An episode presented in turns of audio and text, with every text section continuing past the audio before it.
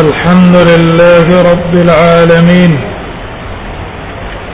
والصلاة والسلام على سيد الأنبياء والمرسلين وعلى آله وأصحابه أجمعين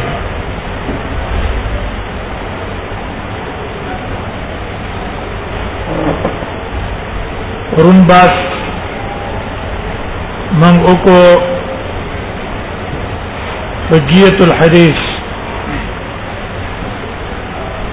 حریص دا مبنای په وحده او دا یو مصدر دی د مصادر د احکام شرعیونه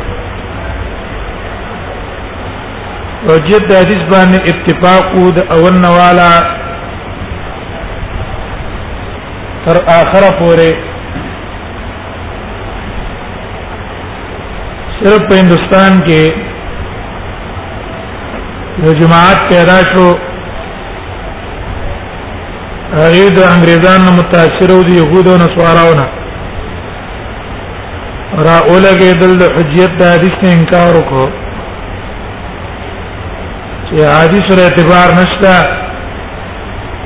صرف قران له اعتبار ده او دې کسانو خپل ځان ته اهل التجدد ویلو اهل التجدد چې نوې نظریه والا خلک یې من هندستان کې سر سید احمد خان او تیالو او مصر کې طه حسین او په ترکیه کې ضیا الف ګوک داو ضیا ګوک الف دی ښکارا د احادیث نه انکار نشو کولای ښکارا د شي کوه چې احادیث له اعتبار نشته نو دی طریقه دا چې هر حدیث به د دې درای سره مخالف راغی دی به د حدیث نه انکار کوو او دا عذر به پیش کو چې را حدیث صحیح نه ده دیو را ولګېدل تجارت کې چې کوم سود ده هغه ته حلال ویلو د حجاب نه انکار کو چې د خضر پر حجاب او پرده نشتا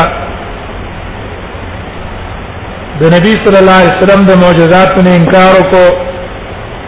معجزات د نبی صلی الله علیه وسلم نه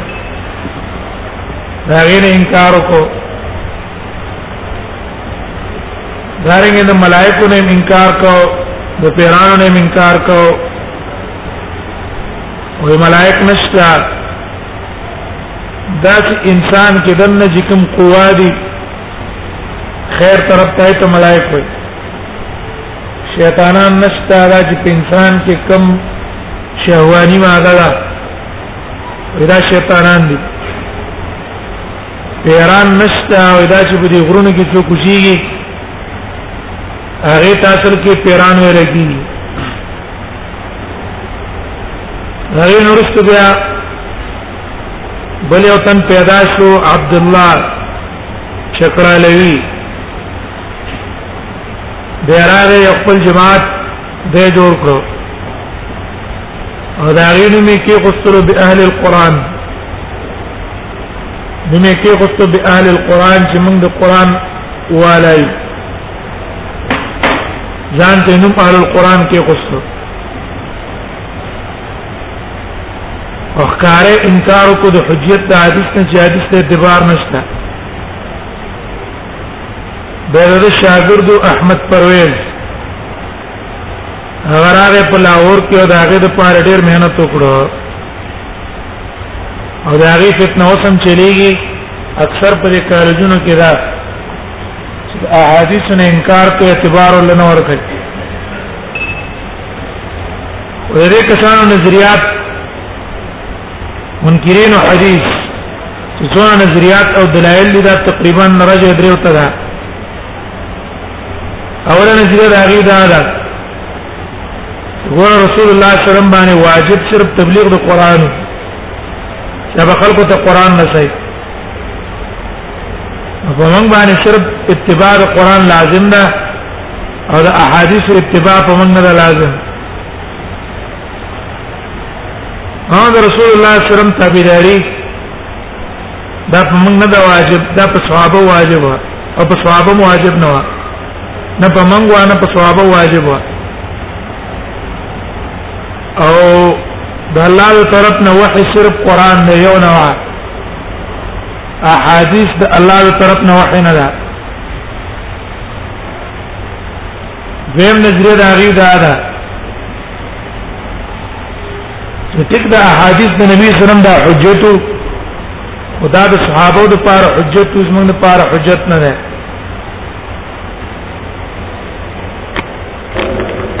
درم نظریه دا ده احادیث د نبی صلی الله علیه وسلم حجت ته د پاره د ټول امت لیکن احادیث د نبی صلی الله علیه وسلم مونږ ته په صحیح سند باندې را رسیدلی نه دی نو دیو جن موږ د هغه تابعداري نشو کولای او د هغه په تابعداري مو مکلف نه موږ منو احادیث رسول الله او موږ ته په صحیح سند راغلي نه دي دیو جن د هغه تابعداري باندې مو مکلف نه دا د دې د نظریه خلاصو حاصله ده اوله نظری جواب دا ده دی وی وحی صرف قران ده داغه جواب دا ده وګوره احادیث هم د الله د طرف نه وحیدا صرف قران نه ده دلیل په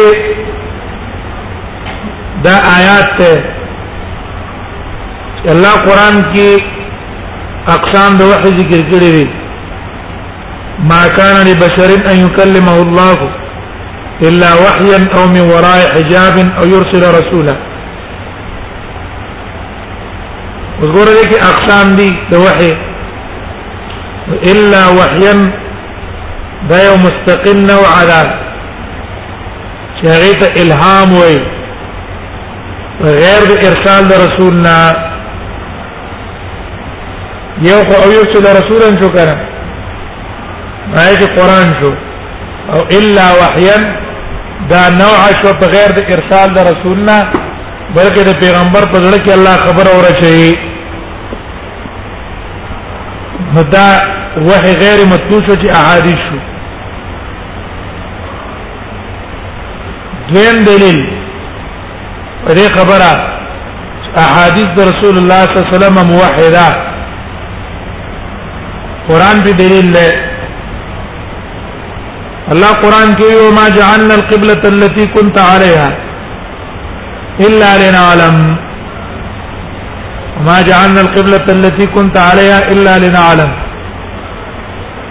موږ نه دا ګرځولې قبله چې ته پاغي باندې وي دې قبله نه موږ کوم قبله ده بیت المقدس الله ځان ته نسبت کړي و ما جعلنا نو په قران کې کوم ځای کې دا ذکر دی الله پیغمبر ته امر کړی په توجه بیت المقدس ته چرته په قران کې شته دی نه نو معلومه شو چې دا امر الله پیغمبر ته کړی دی دا امر ته په سبانه کړی دی دا امر یو ته کړی دی په وحي غیر مطلوب هغه ته ویل کیږي احادیث هغه کو ته دا امر شوی دی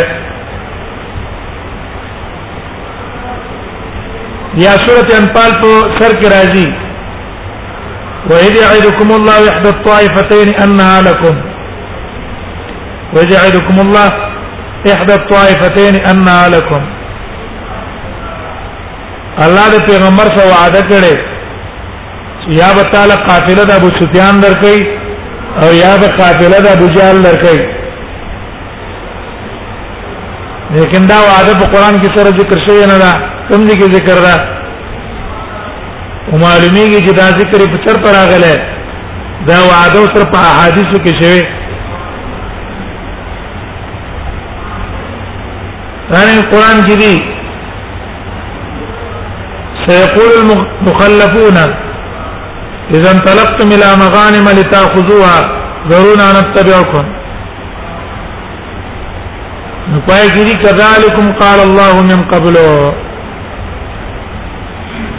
دیو ته من خیبر ته بوزا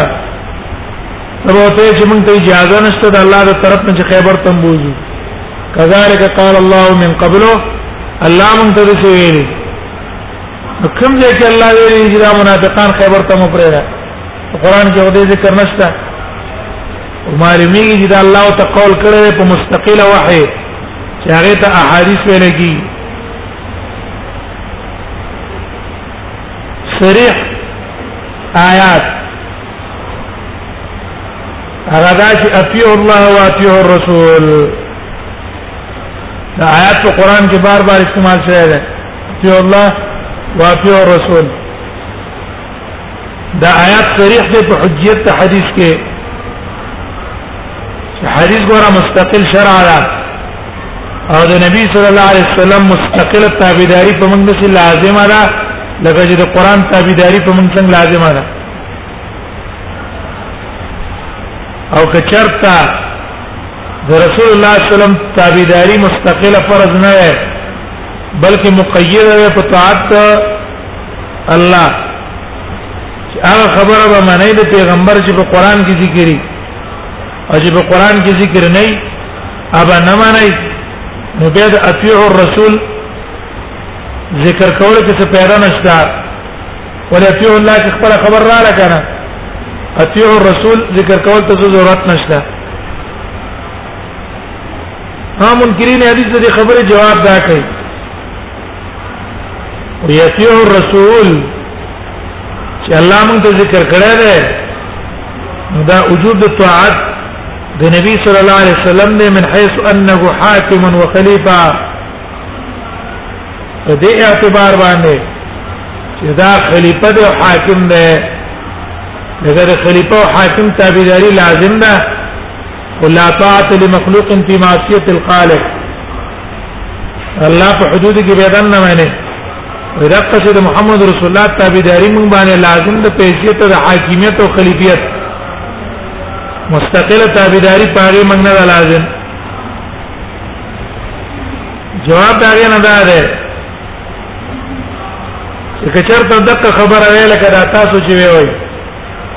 یره قران کې چې اپیو رسول ذکر کړی دی نو دې من حيث الخلاف ذکر کړی جواب دار دې دې و اول الامر منکم ذکر کول ته پیدا نه و اپیو الله او اپیو رسول و اول الامر منکم اول الامر ته څه ضرورت وو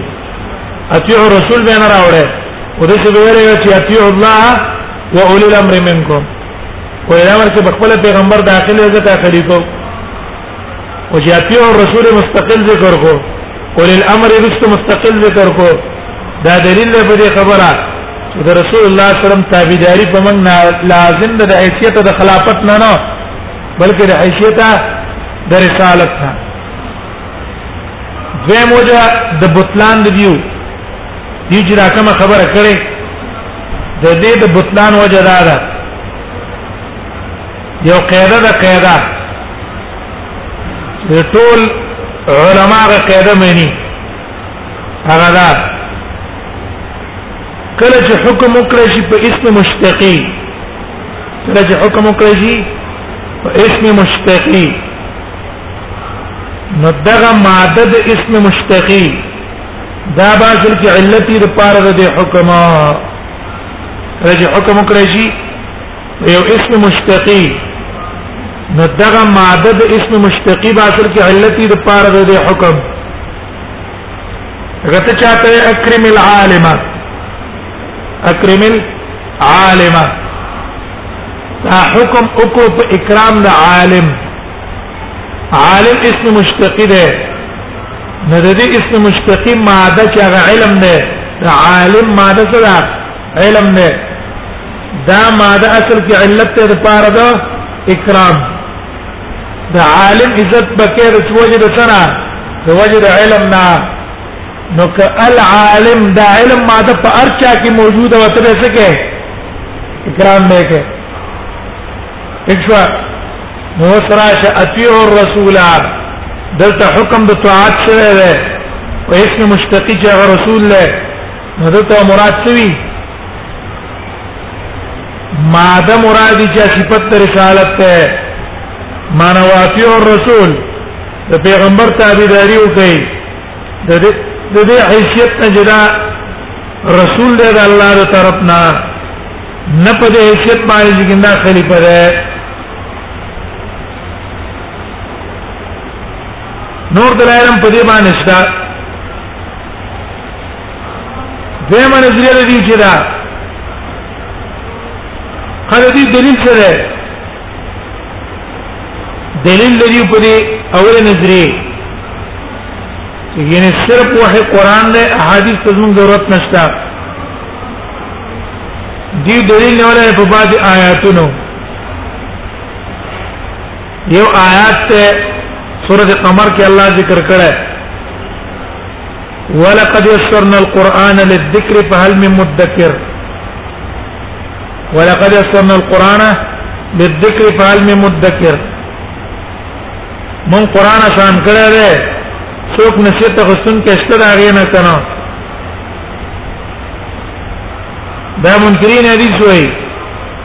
دا آیات دلیل دی په دې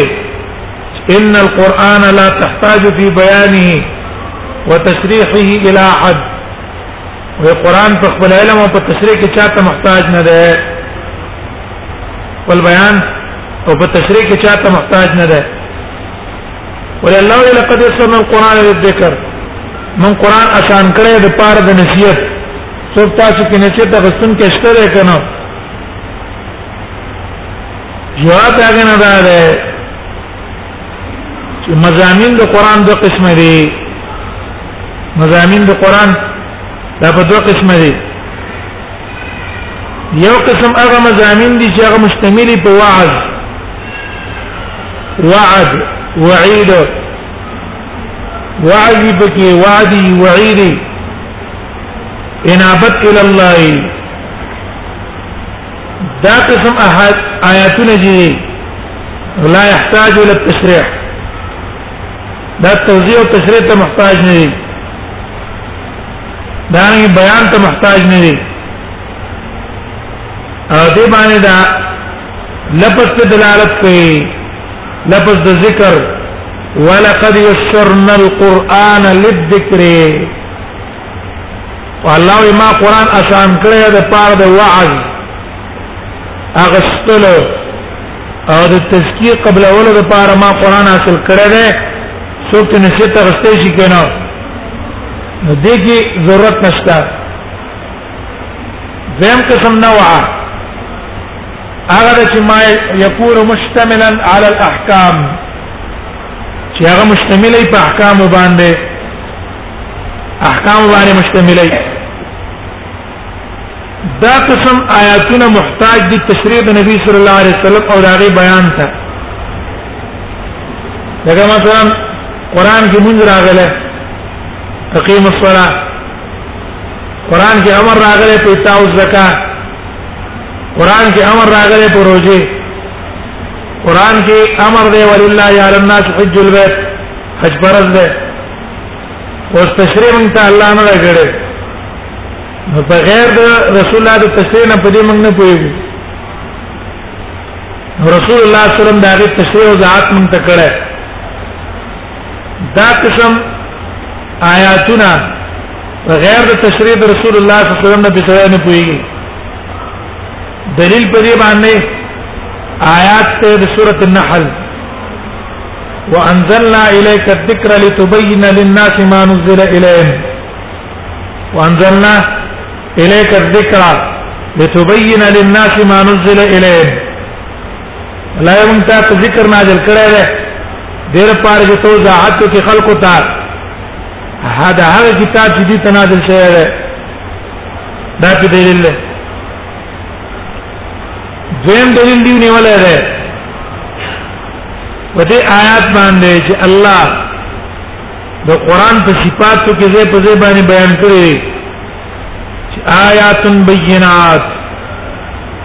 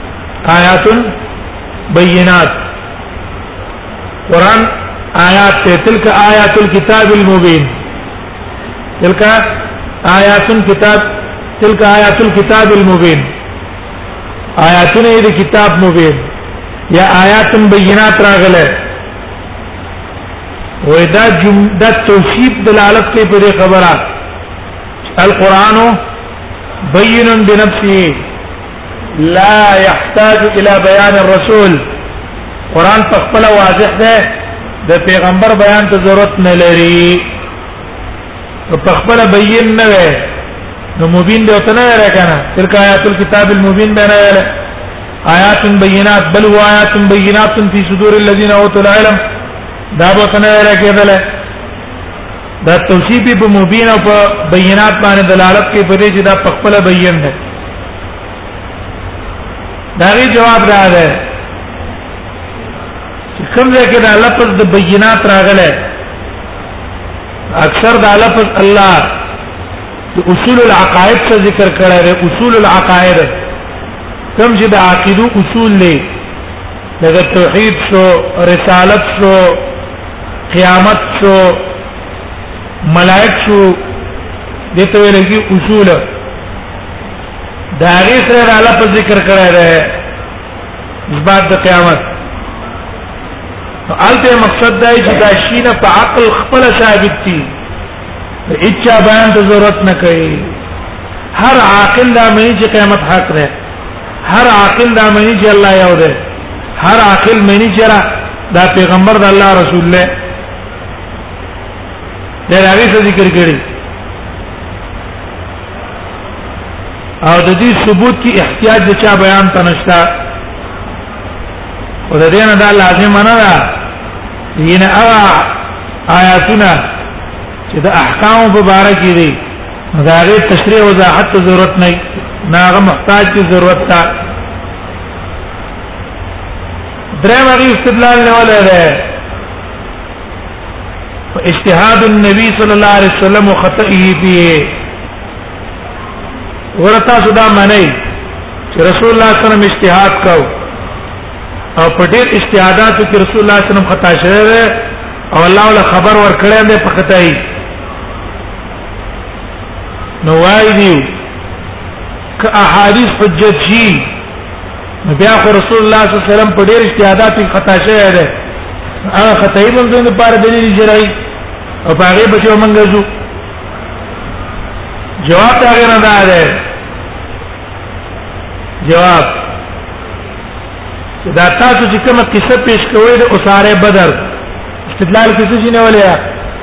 قصه د بدر ګوره په بدر قیدانو کې رسول الله صلی الله علیه وسلم فدیه واغسته او الله پیغمبر ته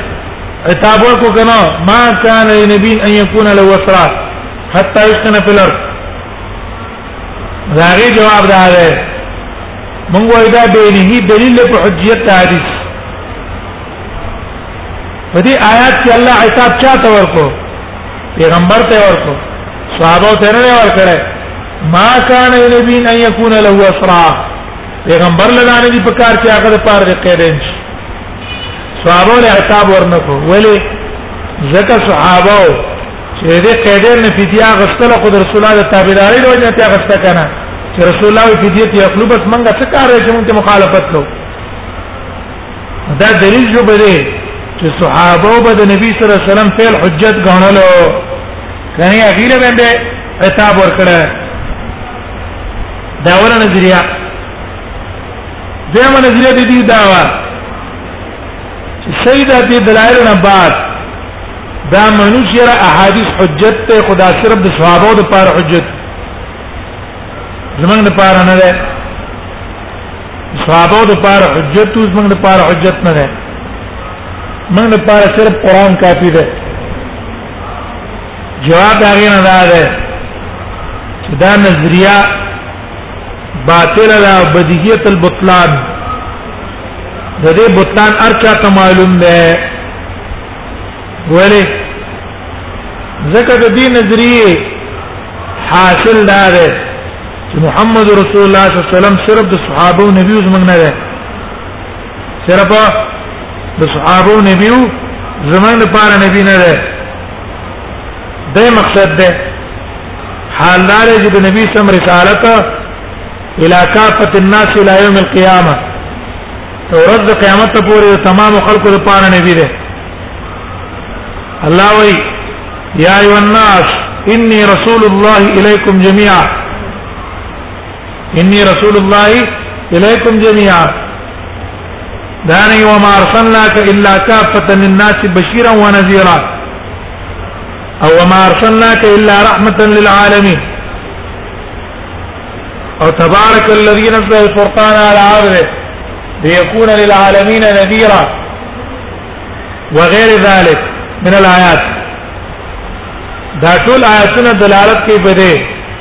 چې د رسول الله صلی الله علیه وسلم نبوت ته عمومي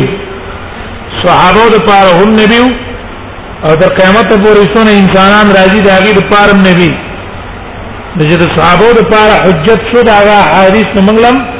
دا هغه حدیث حجت ته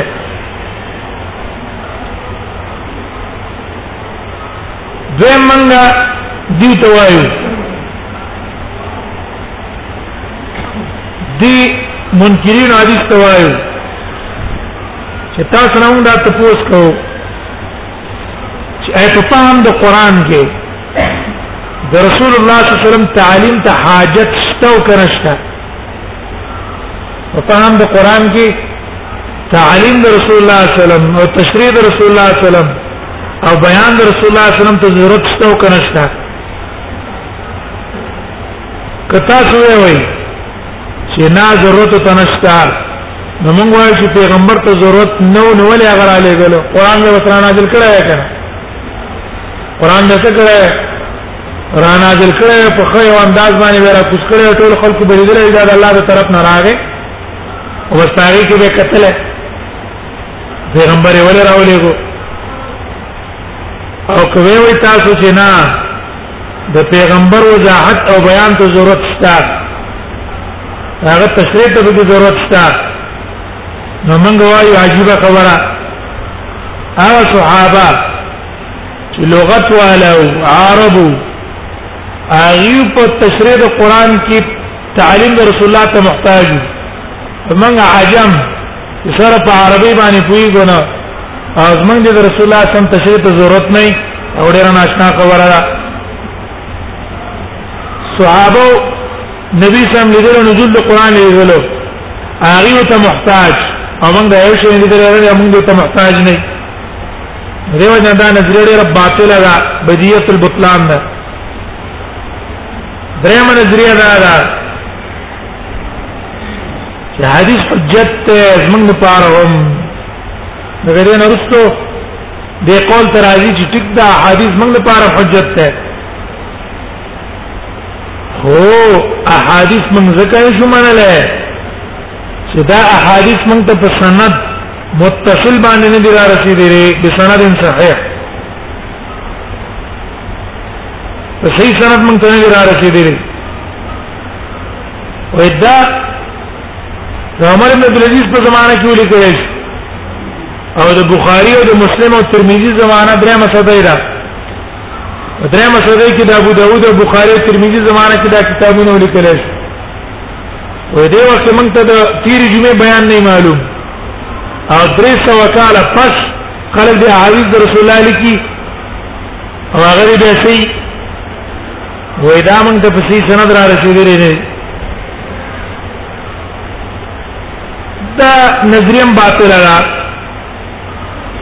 وجه بستان دا دا اول جواب هغه دا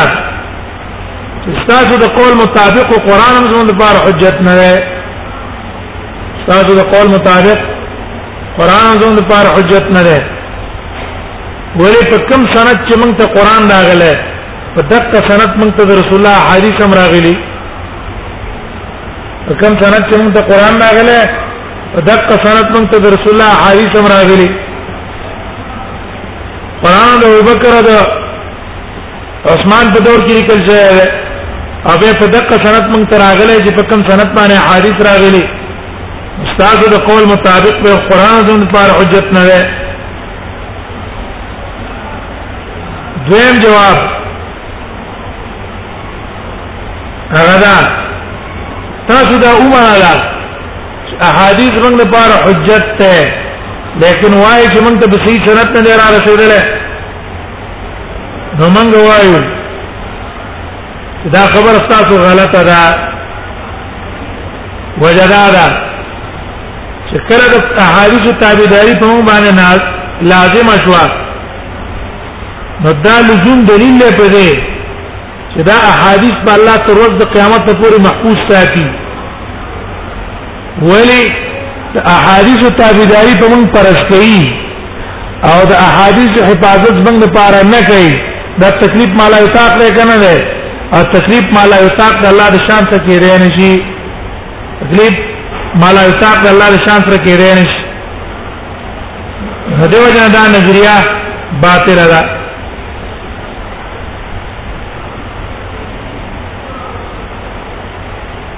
بل جواب دا ده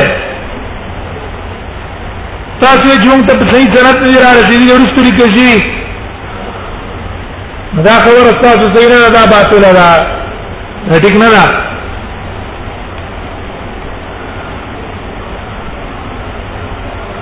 دا شي خبره نه ده وجدا ده د بطلان چې احادیث رسول الله صلی الله علیه وسلم د زمانه د صحابه کې لیکل شوی په مجلس رسول الله کې دا ګرځو مونږه تدوین حدیث کې مختصر احوال بیانو هر یو صحابي ځان خپل مسوده لیکلې ارستو چې به تدوین شوی دی هم د دقه مسودی او زه تراجمه کړی او دا کتابونه چې لیکل شوی دی نو په دغه مدونه راغستل شوی دی دې غریبانو ګومان دا دی چې دا احادیث په زمانه ده بخاری امام بخاری او ترمذی ابو داود کې لیکل شوی حال دا چې دا په اوله زمانه کې لیکل شوی حاصل خبره دا شو چې د احادیث تابعداري په موږ تاسو سره دا لازمه ده اوس راشي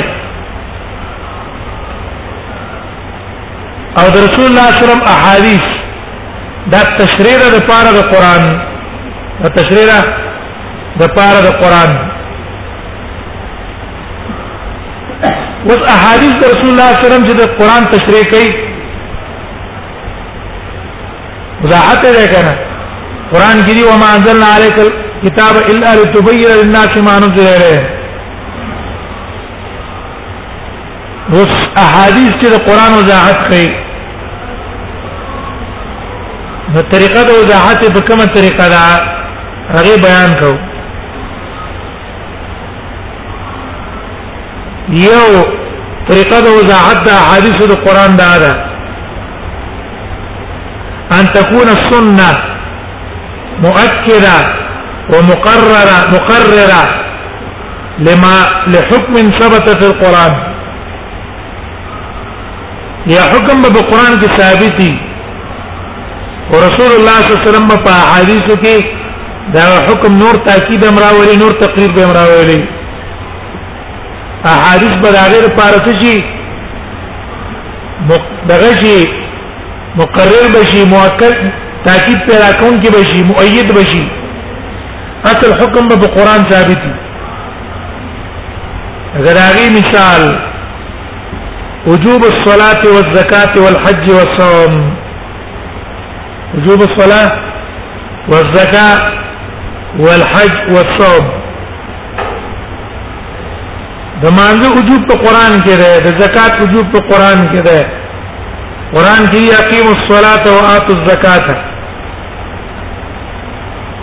د حج وجوب په قران کې دی ولله علی الناس حج البيت او د روزې فرضیت هم په قران کې دی کتب علیکم الصيام کما کتب علی الذین من قبلکم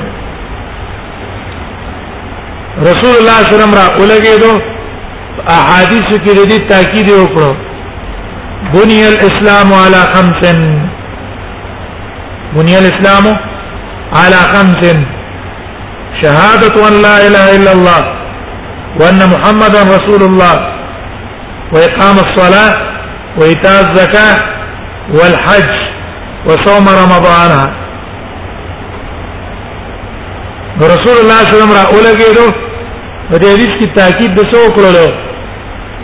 تقریر او تاکید یو کو د حکم قرآنی مستقل حکم ثابت نکو دویم مثال حرمت قتل النفس الا بحق حرمت قتل النفس الا بحق قران کې الله په ناحق وجنه نه منع کړي او وی چا په ناحق مسلمان وجلو الله به جهنم ته داخل کی الله وی ولا تقتلوا النفس التي حرم الله ولا تقتلوا النفس التي حرم الله الا بالحق تاسو به نو وجني هغه نفس چې الله حرام کړی دی الا بالحق مگر په حق دا قران کې دا حکم دی رسول الله صلی الله علیه وسلم را اولګې دلو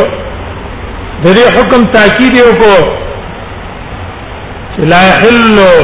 دم امرئ مسلم الا باحدى ثلاث لا يحل دم امرئ مسلم الا باحدى ثلاث د مسلمان سره کینه پیول جایز نه دي الا باحدى ثلاث مگر یو په درې کارونو په درې کارونو کې یو کار وکړو داغه وجل جایز دي او کدا نه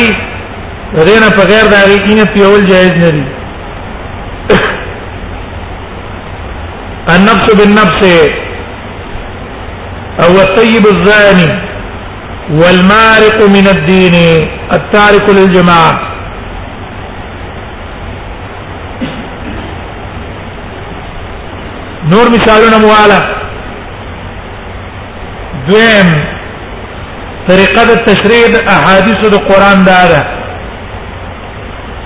ان تكون السنه مبينه للقران قران کې حکم راغلی دی رسول الله صلی الله علیه وسلم دې په حدیثو کې دا حکم بیان کړی بیان کړی د احادیث چې د قران بیان کړي په شپږو طریقو باندې بیان کړي تقریبا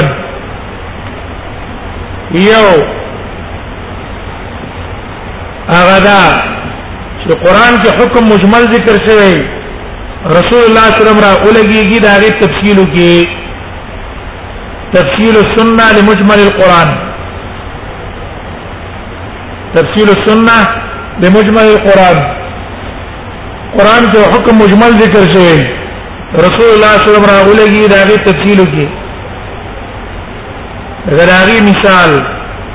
بيان النبي صلى الله عليه وسلم بفعله لعدد ركعات الصلاه رسول الله صلی الله علیه وسلم را لګیدل خپل فعل سره بیان کړی د عدد د رکعاتو د مانزه د مانزه څونه رکعات دي داغي عدد ده داغي تشریح خپل فعل کړی دارنګ نبی صلی الله علیه وسلم بیان کړی په خپل قول بیان وو بقوله لمقدار نصاب الزکات نبی صلی الله علیه وسلم په قول سره مقدار د زکات خو دلای دی قران کې خو صرف دی واته زکات رسول الله صلی الله علیه وسلم را لګیدل دی دا غي تشریح کړي چې ليس فيما دون خمسه اوسق صدقه او ليس فيما دون 200 من الدرهم صدقه 200 درهم نه کمی پاکه زکات نشته شل مسقال نه چې کمی پاکه زکات نشته وخانو د ټول مقدار رسول الله صلی الله علیه وسلم قول څه بیان کړی مجمل دارنګ رسول الله صلی الله علیه وسلم بیان کړی په خپل افعال د حج ولله على الناس حج البيت مجمل له رسول الله صلی الله علیه وسلم دا غي تفسیر وکړو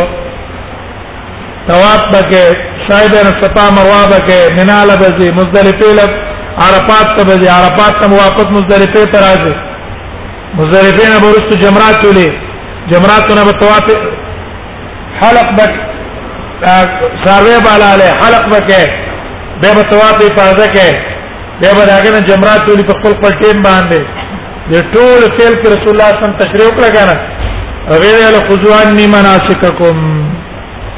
طریقې را فعل حج معنی ذکر دیمه طریقه د بیان هغه تخصیص السنه لعام القران قران یو حکم عام ذکر کړی رسول الله صلی الله علیه وسلم را اولګي هغه مقید کی هغه څه کی هغه مقید کی وها د جمهور علما په نسبت باندې احادیث تخصیص د قران په هر حالت کې راوستي شي تخصیص د قران سنت باندې په هر ټیم کې جایز ده احناف علماء په نسبانه جایز ده هغه صورت کې هغه صورت کې چې دا حدیث نبی صلی الله علیه وسلم متصل د نزول د قران سره بیان کی حدیث رسول الله صلی الله علیه وسلم متصل د نزول د قران څخه بیان کی نو به به دا د غیر لپاره مخصص وګرځي او که چرته روس تو رسول الله صلی الله علیه وسلم وای او خبر واحد مشهور نه وي بیا په نص نه راځي دا وی بیا تخصیص ناراضي ولې د احناف قاعده ده چې عام خاص کول لا یو قسم نسخه ده او نسخه په حدیث په خبر واحد جائز نه ده او د جمهور علما په نسبت باندې کروستو حدیث یو که په غتیم کې په دوه صورتونو کې ولا مخصص ګرځي هغه مثال قران کې دی الله حرمت علیکم المیتۃ والدم حرمت علیکم المیتۃ والدم حرام کړی شوی د پتا سبانه مردار او دم انا آیات ته معلومیږي چې هر قسم کینه استعمالول حرام دي هر قسم مردار استعمالول حرام دي لیکن حدیث کې را لګیلي دي تخصیص یې کړی دی ہے آیات عام ہے کنا المیت الف لام نے الدم الف لام نے الف لام د څه د پاره ده عموم د پاره او حدیث را لګیدل ده تخصیص کړه ده د میتی تخصیص په چا پورې کړه دا ما سو سمک یا ما يعيش في الماء هغه حیواناتو هغه په وګو کې نه اوسېږي هغه ته مراد ده کوم حیوان چې په دریاب کې نه اوسېږي او په وچه باندې اوسېږي او په خپل مرګ باندې مړ شو دا غي خپل جهیز نه دي لیکن که دریاب کې حیوان تا حلال نکو او په خپل مرګ باندې مړ شو دا غي خپل جهیز دي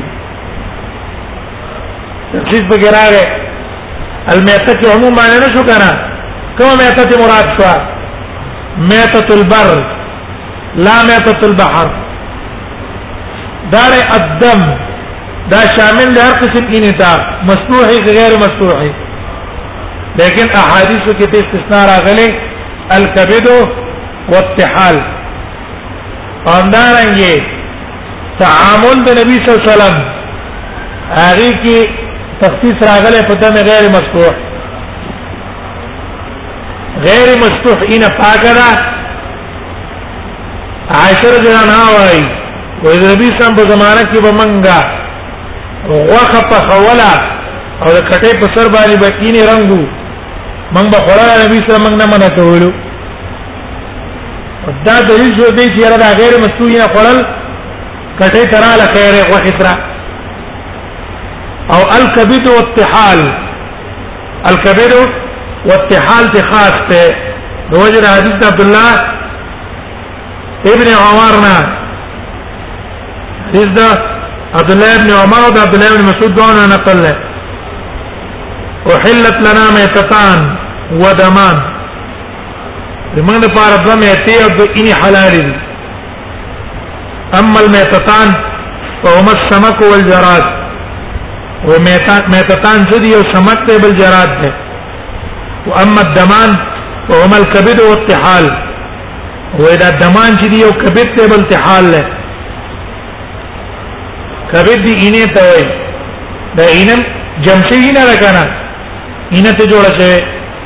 او تحال توره دام اینه دا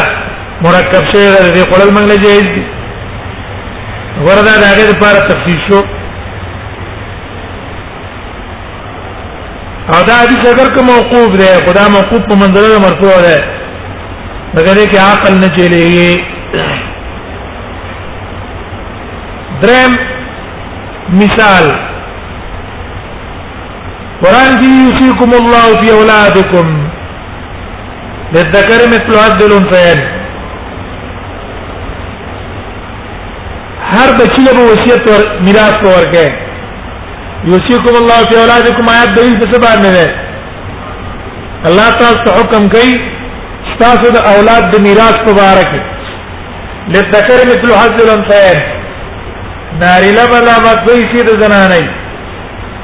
دا آیات شامل له هر بچی ته فقاتلی کافری کو غلامی چهار یوی او چې ستاسو دې څه ورکه میراث ورکه کنه یوسیکم الله فی اولادکم عام ده کنه ده عام ده لیکن رسول الله صلی الله علیه وسلم را ولګېدلو تخصیص یو کړ په دې حدیث چې لا يرث قاتل عمدا ولا خطا شيء من الديا لا يرث قاتل عمد لا يرث قاتل عمد ولا خطا شيء من الديا یو تم را اولګي د خپل پلار هغه په قصدن ملکو یا په خطئی ملکو دته میراث نه ورکی یوسیکم الله تعالی علیکم تخصیص کو کو نه کو دا رنګ بل حدیث ته چې لا يرث مسلمون عن کافر ولا کافر او مسلم مسلمان د کافر نه میراث نه جوړه کافر د مسلمان نه نشي جوړه دا حدیث مخصص شو په غزي پورې چې مسلمانانی هغه د پلان نه میراث کړو درې مثال قران کې دی وحل لكم ما وراء ذلكم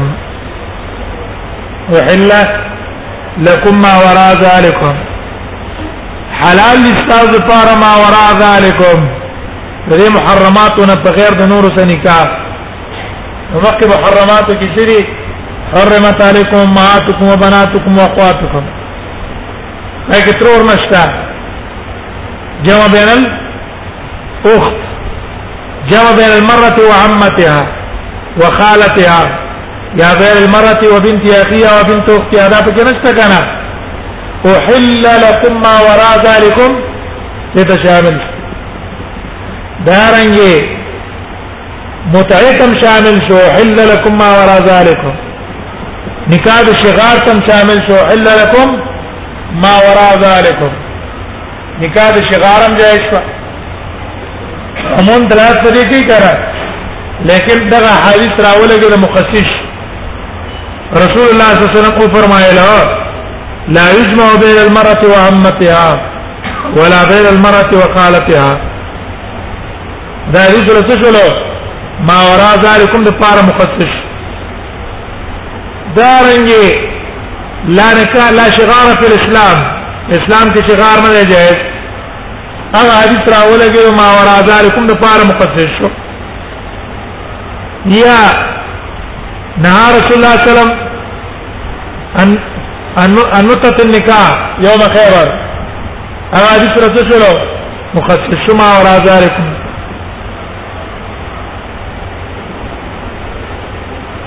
نور مثالونه د آیت لپاره والا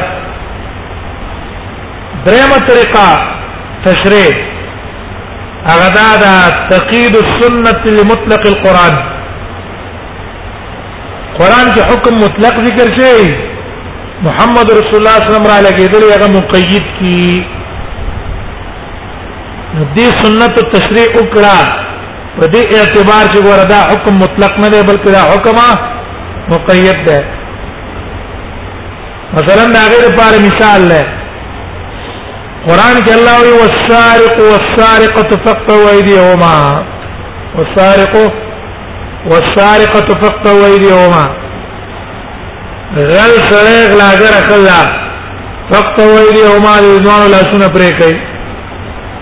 دوا لاسونه پرې کوي وردا آیات مطلق ده یت اطلاق د کوم ځای راځي د ګوتې د سر نواله تر ایبته پورې د تخرګ پورې د ټول ته وایي ید وی لاس ته وایي رسول الله صلی الله علیه وسلم را اولګېدو تشریع وکړه وروزغه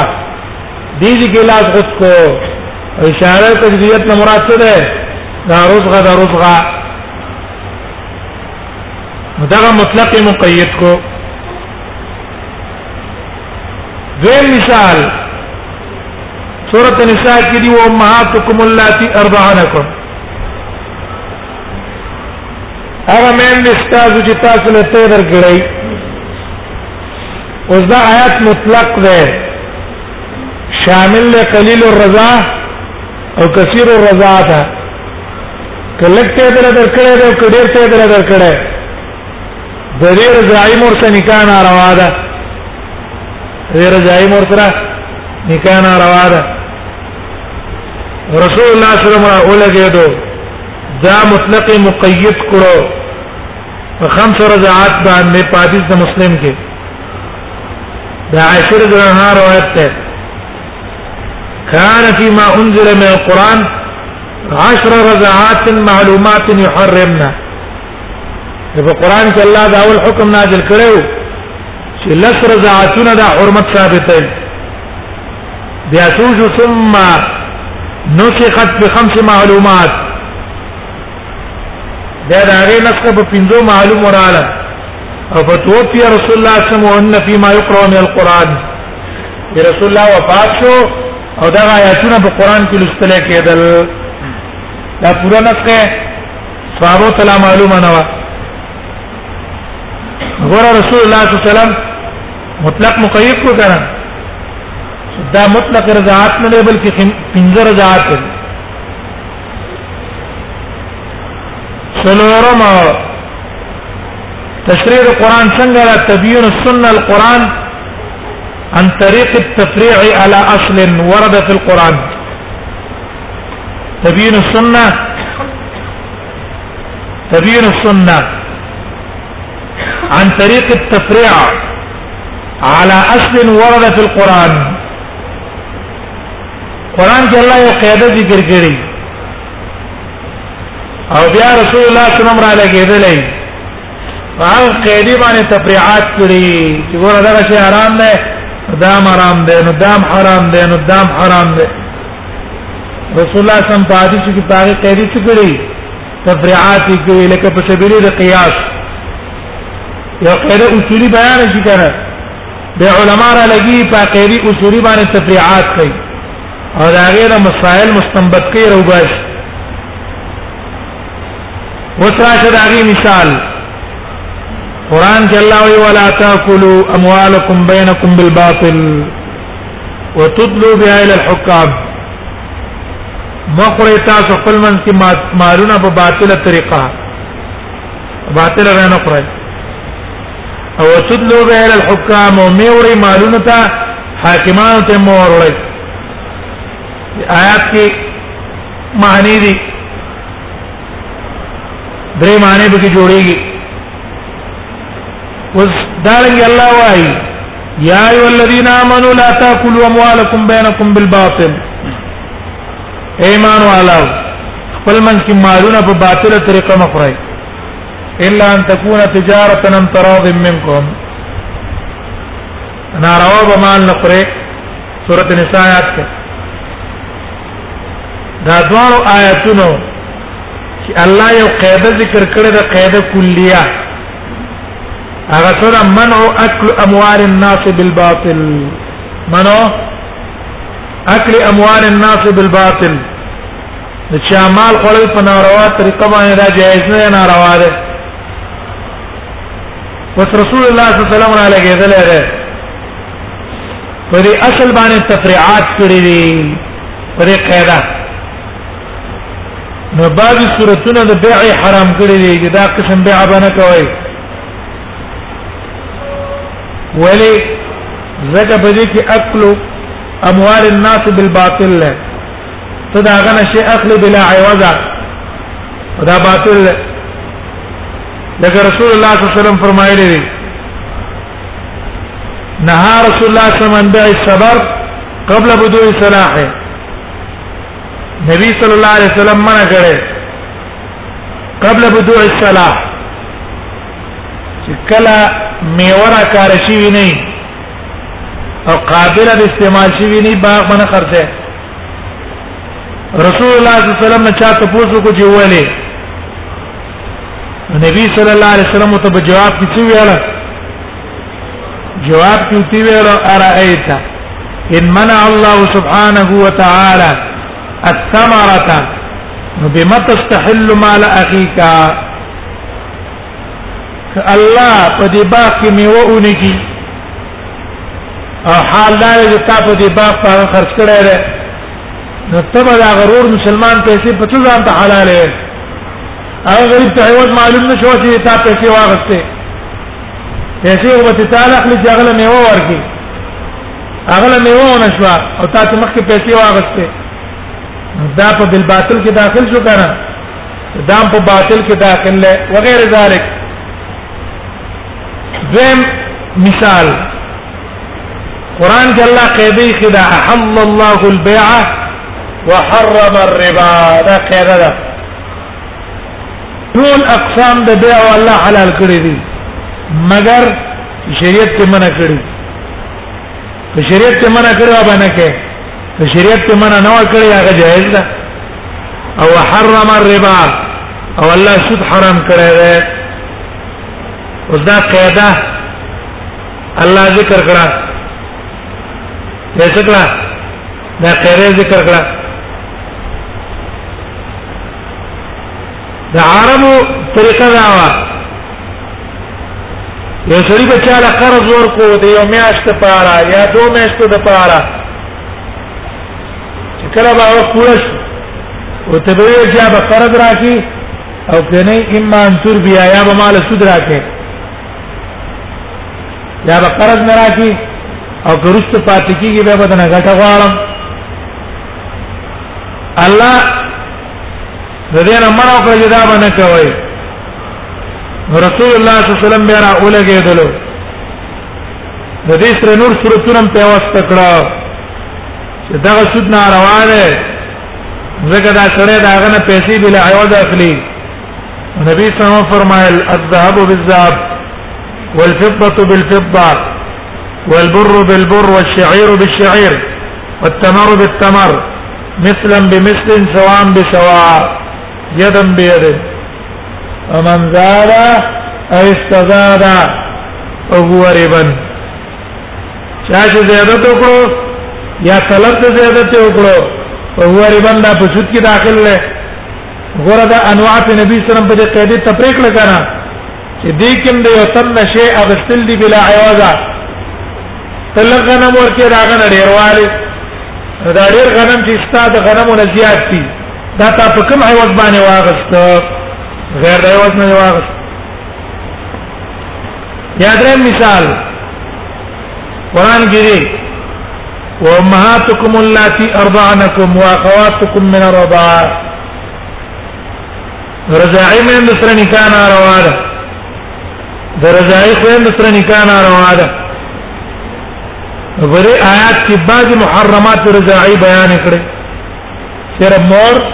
صرف خور رضاعی ترور د رضاعی اورېری خورځي د دې حکم به ذکر نشو رسول الله صلی الله علیه وسلم را اولګېدو په دې باندې سفر وکړه يحرم من الرضاعه ما يحرم من النسب يحرم من الرضاعه ما يحرم من النسب فالنسب کې چې د چا سره نکاح ناروا ده نو پر ذات کې دا سره نکاح ناروا ده دا رسول الله صلی الله علیه وسلم تفریح وکړه تفریح تفریح وکړه په هغه باندې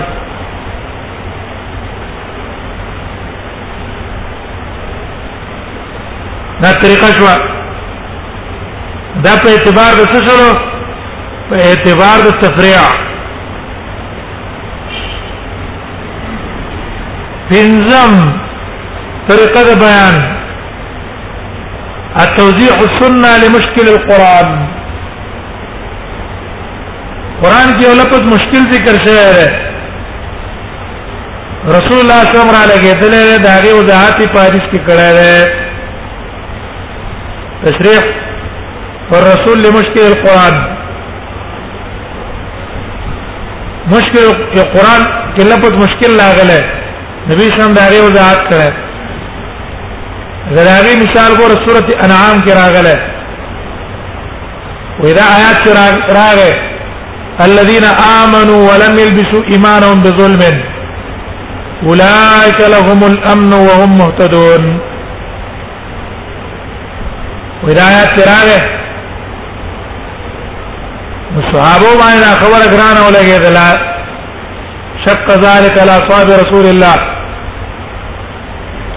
او وی ویل چې ايونا لم يظلم ومن کې کم یو تن دی چې هغه ظلم نه کړی کم یو تن دی چې ومن کې ظلم نه کړی ظلم خو اړ یو تن موږ نشوي دی ظلم په معنا د ګناه واغستو رسول الله صلی الله علیه وسلم ته تشریح وکړه چې تاسو ولې قول د لقمان نه اورېدل لقمان چا خپل دې ته ویلو چې یا بني لا تشرک بالله ان الشرک لظلم عظیم رسول الله صلی الله علیه وسلم ته تشریح کړه چې ظلم نه مراد شرک دی شرک هغه کسان چې ایمان راوړو او لم يلبسوا ایمانهم بظلم او خپل ایمان ته شرک نه کو دا غیر لپاره امن ده دویم مثال سورۃ توبه کې الله دی يهوديان مبارک وایي د نصارا مبارک اتخذوا رهبان اتخذوا احبارهم ورهبانهم اربابا من دون الله دی عیسیانو او دی يهوديانو خپل مليانا او خپل پیرانه دا ارباب نیولی په غیر د الله نه نو عدي رضی الله عنه عدي ابن حاتم هغه باندې دې آیات په هم ګران اولګېدو نبی سلام ته وی اے الله نبی ما عبدوهم یا رسول الله دې يهودو دې نه سوارا خو د خپل پیرانو او د خپل مولیان عبادت خونه نه کړه دا غي بندگی کړي او قران کې دي تخذو احبارهم ورهبانهم اربابا من دون الله نبی صلی الله علیه وسلم ته تشریح وکړه چې اما انهم لم يكونوا يعبدونهم وی خبردار دی يهود او نصارا د خپل پیرانو د مليانو عبادت نه کاو ولكنهم كانوا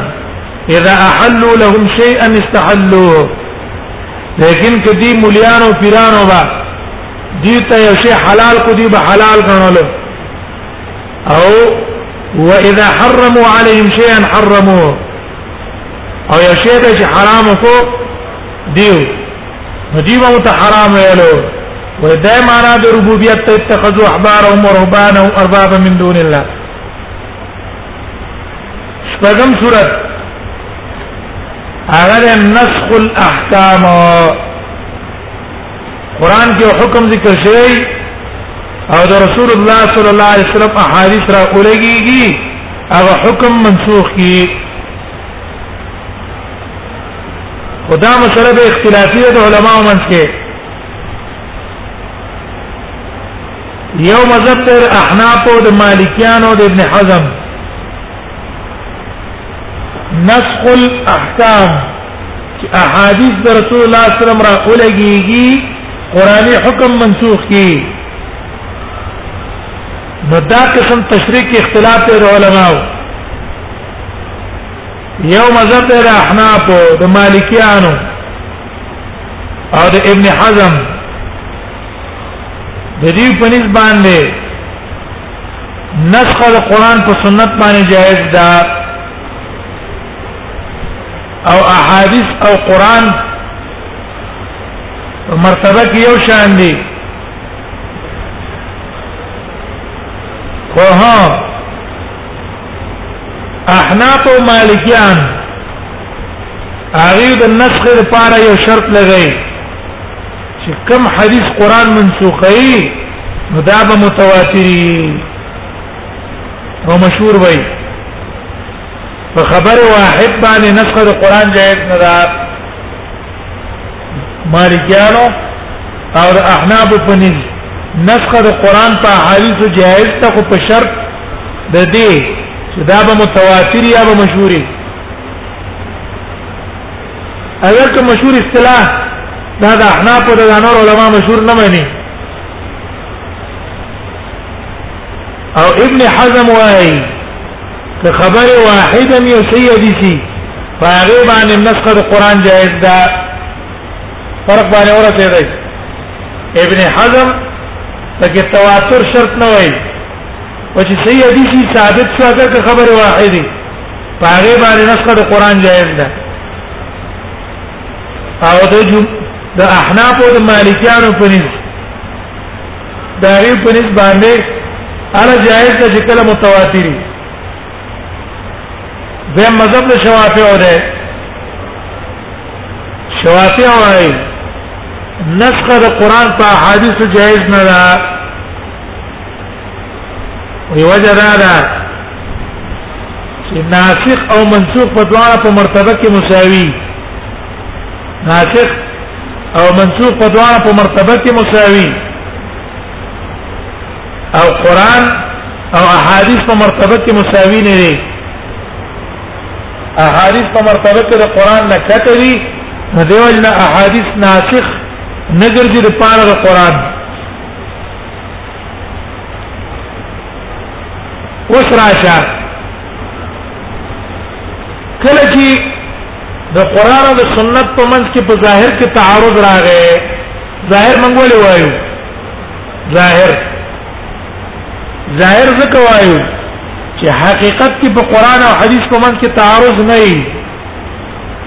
ولی احادیث د رسول الله تشریح د قران د شرح او د فهمتن په منځ کې څه نه وي تعارض نه وي او ظاهر وایو د وجنه چې کوم ولا کسان من ته وایي چې د قران او حدیث په منځ کې تعارض ده موږ غلطه خبره کوي د قران او حدیث منځ کې تعارض نشته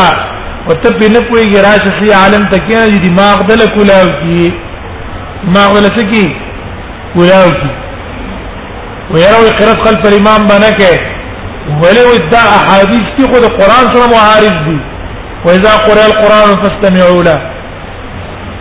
وتا من وايو اذا قرئ القران پیغمبر نازل له او دغه پیغمبر په خط تشریح باندې پیدو د امام صاحبنا امام صاحبنا تشریح نه پیدو امام شافعي صاحبنا په تشریح نه پیدو نه امام مالک نه امام احمد لکه محمد رسول الله په څونه په تشریح پیدو راشه چا تکینا چې د آیات او د حدیث د صحیح معناو کې دماغ د اخلاص شي دماغ د څه شي دماغ د اخلاص شي او پوره پی پی شي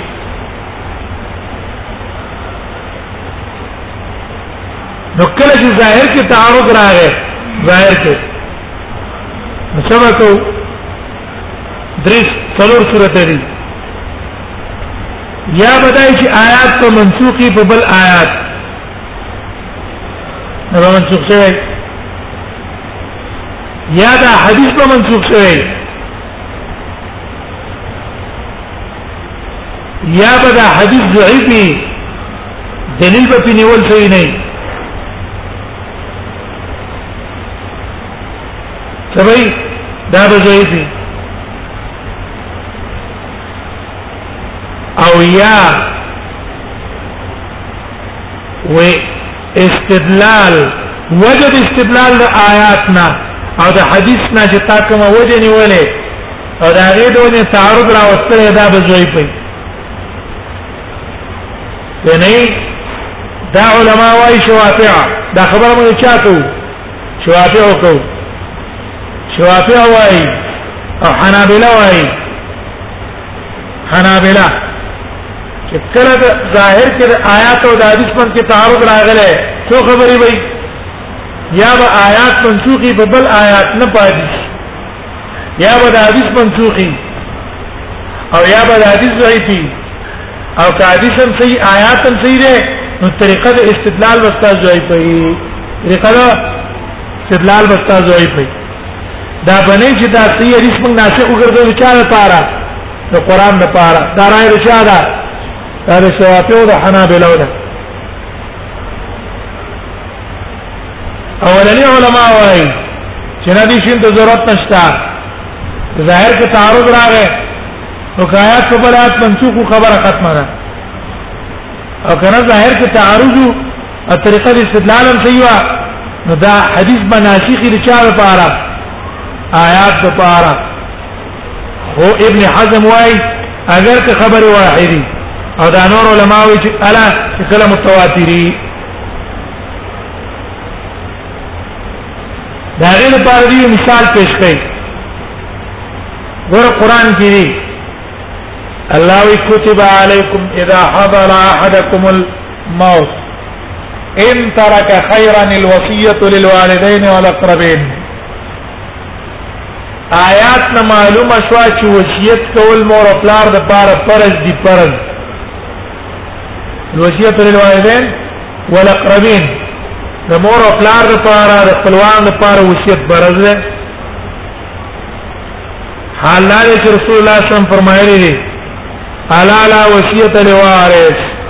خبردار د وارث لپاره وصیت صحیح نه دی جائز نه دی الا لا وصیت لوارث وارث لپاره وصیت صحیح نه دی جائز نه دی غدا واجب چې رسول الله صم څو کړه منه وکړه نو دا حدیث ناسخ شو کتب علیکم د پاره دا عام قول مطابق اگر که د باج علماء قول دا ده چې نه دا حدیث ناسخ د آیات د پاره نه ده څنګه ده ناسخ نه ده ولی آیات کی خودی چې کتب علیکم اذا حضر احدکم الموت الوصیات او رستو آیات راغله ده چې مور او پلار د پاره یوسیکم الله فی اولادکم لذکر مثل انثى هغه آیات ټول میراث ذکر کو الته میراث شو دلته وصیت شو او حدیث کې راغی چې وصیت ولنه کې صرف څه ولا ورکه میراث ولا ورکه کنه وصیت وې منسوخ شو او دا حدیث له ناسخ وګرځیدو کوم مشهور قول ولا دي او کوم علما چې پکې نسخ نه وایي هغه وایي چې آیات منسوخ نه ده بلکې په دې آیات باندې وسم عمل لري د دې نه مراد هغه مور او پلار دي چې کوم کافران دي کافر مور او پلار د میراث نشته تمرا اولګي په وخت مرګ کې وصیت کې مور پلار نه یا اقربین دی یو سره ده هغه ځامن دی خو یو زی دین دین په طلب کې طالب دی په علم پسې لګیا دی هغه ته ځان وقف کړي او بل زیره هغه دنیا کار کسب کوي هغه ذریعہ روانه ده او د اجي غریبي په دین کې ګیر ده اوس کله یو شان وصیت دی د زامن لپاره د غزي خرابېږي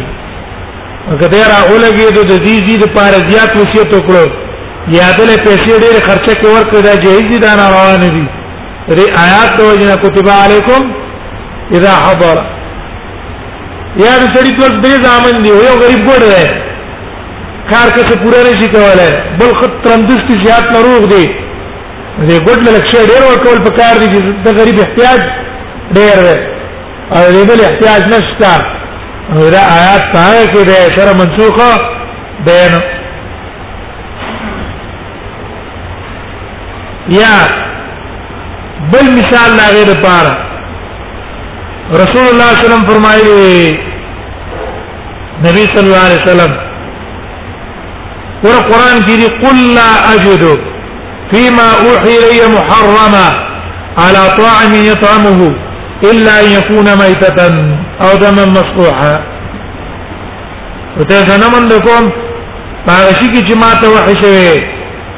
ها الا ان يكون ميتات مردار دا آیات کې محرمات څه بیان شو څلور او د دې څلور نه په غیر نور ټول ته حلال یې ځای جایز دي لیکن رسول الله صلی الله علیه وسلم را اولګې دو دا غي تخصیص بچاو کو نهار رسول الله صلی الله علیه وسلم عن كل ذي مخلب من الطير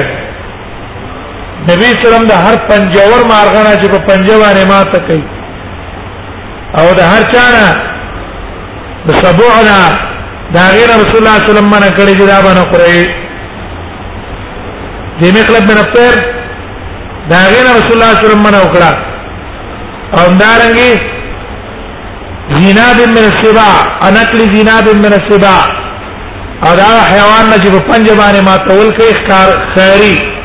ماتول کوي او سبوع دا غین رسول الله صلی الله علیه وسلم منع کړي دا حدیث وې تخصیص په څه کې راوستو آیات کې کو کرا سیدا جدا ناسخ نه ده صحیح قول نه جدا ناسخ نه ده بلکې دا آیات چې قصر له په بعض افرادو چې لا اجد فيما غير محرمه دا محرمات دي چې کونی یې جنور نه دی ولا ته من کات سره غو لا اجد فيما اوحي لي محرما مما تحرمونه هغه شی چې تاسو ته حرام وي هغه کې دا شی نه حرام دی دا مطلب نه جنور حرام نشته نور حرام خوشتا رسول الله صلی الله علیه وسلم دا یو ذات کو دا شو درم درم هغه دا ده چې ګوره احادیث رسول الله صلی الله علیه وسلم شي اے درم قسم تشریح دا خو درم قسم تشریح کې څه صورتونه شو کړه درم قسم تشریح دا حدیث دا ده چې ان تزيد السنه على الحكم الذي ثبت بالقران ان تزيد السنه على الحكم الذي ثبت بالقران چې زیادت د سنت راشي په حکم چې په قران باندې ثابت شوی قران کې حکم ثابت شوی دی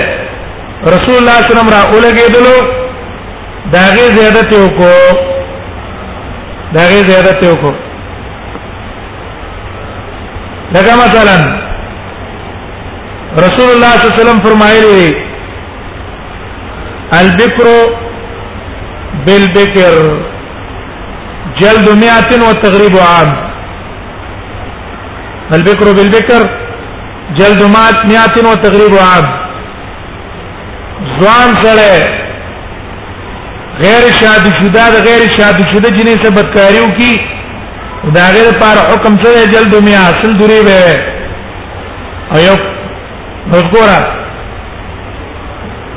قران کې حکم څه ذکر کړه الزانی تو الزانی فجدوا كل واحد منهما 100 جلده سندوري رسول الله صلی الله علیه وسلم سره زیادت وکړو او تقریب عام یو کال لپاره به څه کې ملک بدر کې شړې به دا زیارت رسول الله صلی الله علیه وسلم کو دارنګي قران کې دي چې وليتوفوا بالبيت العتيق ثواب پکې د بیت الله وليتوفوا بالبيت العتيق الثواب مطلق الدوران د بیت الله ته وي که په او داسه باندې او که په غیر د او داس نه او چې بیت الله نه ګر چا پر تاو شي د ثواب ویل کیږي دښوا رسول الله صلی الله علیه وسلم را اولګېدو دا غي سره قید ولګاو دا او د څو چې ثواب پکې وګوره ثواب لپاره طهارت شرط ده نبی سمو فرمایله ثواب بالبيت صلات و ثواب د بیت الله په شان ته مونږ ده مانزه لپاره طهارت شرط ده لا تقبل صلات بغیر طهور دغه چې ثواب هم بغیر او دسنه نه کیږي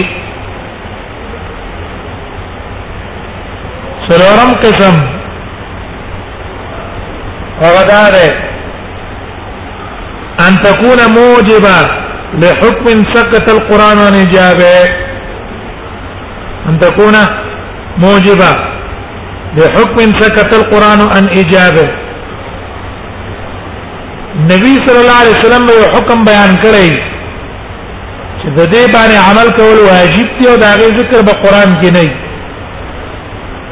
او محرمه یا به حرامون کې دی یو حکم سکت القران وان تحریمه قران کې وداغه حرمت ذکر شوی نه قران کې وداغه تحریم نه ذکر او رسول الله صلی الله علیه وسلم برا اولګي من ته به د هغې د ایجاب او د حرمت بیان وکړي لکه مثلا د هغې مثال قرآن کې صرف جمع بین الاختین په نکاح کې حرام ده دو خويندې په نکاح کې نه جمع کې لیکن رسول الله صلی الله علیه وسلم را اولګې دو چې وکړه اثبت حرمت الجمع بين المرأة وعمتها د خځې او د هغه د ترو په منځ کې جمع کول په نکاح کې حرام کړی چې دا باندې کې احادیث کې احکام د شفعې نشته په قران کې احکام د شفعې نشته شفعې ذکر سره په قران کې شته دی نه او رسول الله صلی الله علیه وسلم دا غي احکام بیان کړی د دریا کې حیواناتو تفسیر نشته او رسول الله صلی الله علیه وسلم فرمایلی هو طهور ماء والحل میتته د دریا کو پاک دي او حیوانات د دریا ټول حلال دي تشریح رسول الله صلی الله علیه وسلم کړه دا یې حدیث کې راځي زکات الجنین زکات امه حیوان دی حلال کو دا غي په خېټه کې بچیو رسول الله صم فرمایي زکات الجنینی زکات امه د دې بچی حلالا دا د شیدل کده مور حلالا یا ذهب بالذهب والفضه بالفضه دا قران کې شته نه رسول الله دا غي بیان کړه قران کې دانشتا چې کل زیناب من السباع او کل ذی مخلب من الطير دې حرمت نشته او رسول الله صلی الله علیه وسلم څه کړی دی هغه بیان کړی نو دا احکام ډیر دي په نسبت د هغه چې کوم په قران کې ذکر دي دا قسم هم څه شلو یو قسم تشریح وکړه خبره پوه شوئ اوس په دې نه باندې اعتراض ده په دې قسم باندې څه ده اعتراض ده اعتراض ده ده چې ګوره هغه سنت چې رسول الله صلی الله علیه وسلم په احادیثو کې راغی بیان کړی الیس فی نفس کتاب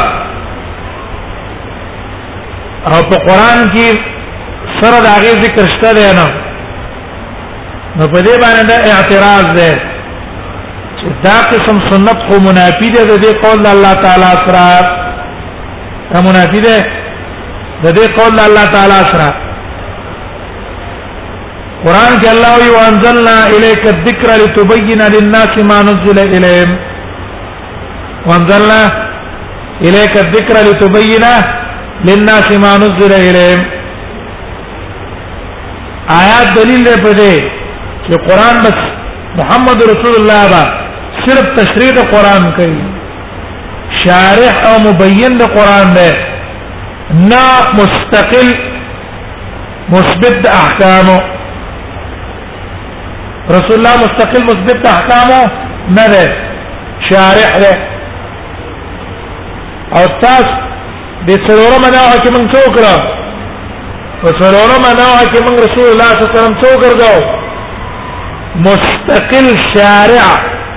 مستق داغه احادیث مستقل مصدر د څو کړو د احکام شرعیه وګرځو دا خو د آیات سره منافی ده د دې اعتراض نه علماو جواب کړي اول جواب شاطبی صاحب کړي حاصل دا ده چې ګوره لم ولم يثبت سنة لرسول الله قط إلا ولها أصل في الكتاب رسول الله صلی الله علیه وسلم چې کوم حکم په حدیث کې بیان کړی دی نو دغه احادیث حکم اصل په قران کې شته چې اصل په قران کې شو نو رسول الله صلی الله علیه وسلم بیان تشریح وکړه قران سره منافي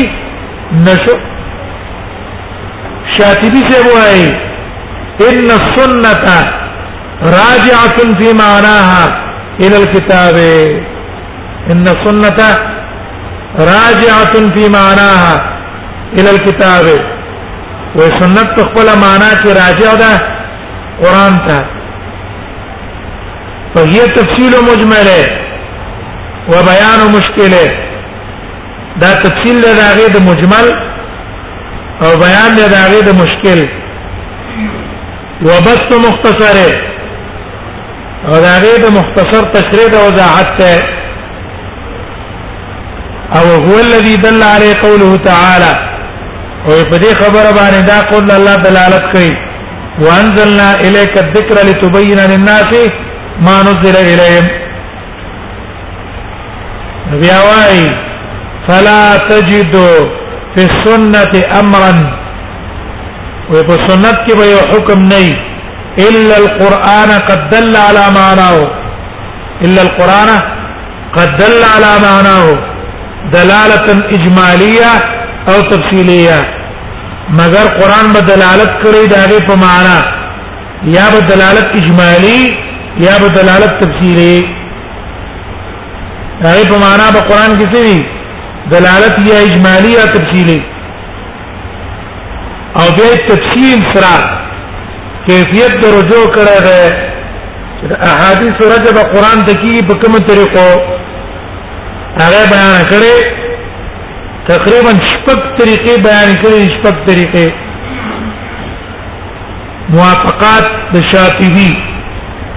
هغه ته به مراجعه وکړي دویم جواب دا دی جمهور علما جواب کړه چې نا سنت مستقل شرع ده د پاره د احکامو سنت حدیث رسول الله صلی الله علیه وسلم مستقل شرع ده د پاره د احکامو او دا پشان ته د قران نه په تحلیل د حرام او په تحریم د حرام کې تحلیل الحلال او تحریم الحرام کې دا مستقله شرع ده اول دی استدلال نه ولا په قران وما ينطق عن الهوى ان هو الا وحي يوحى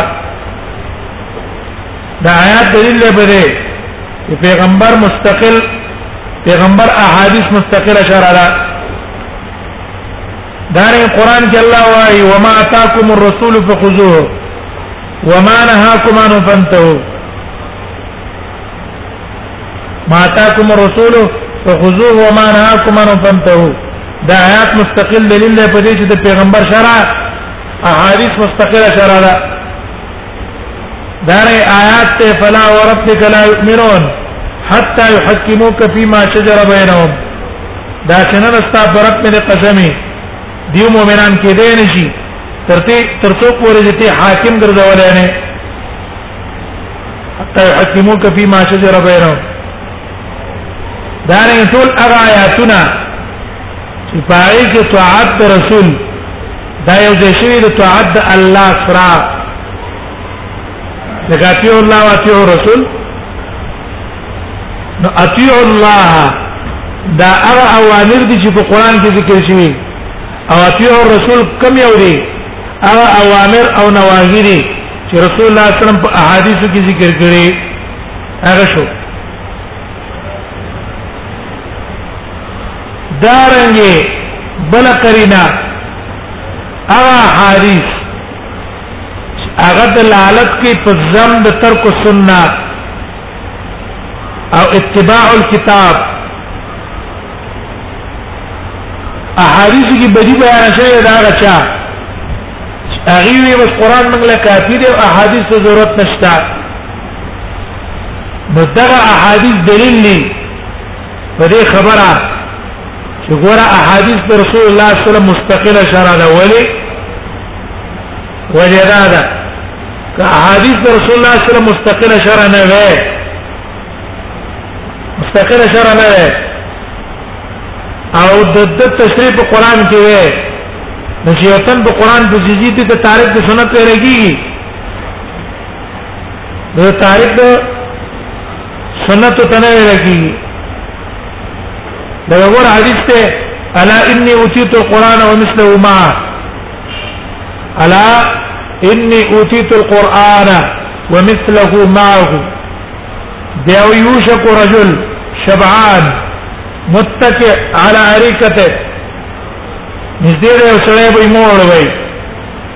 او په خپل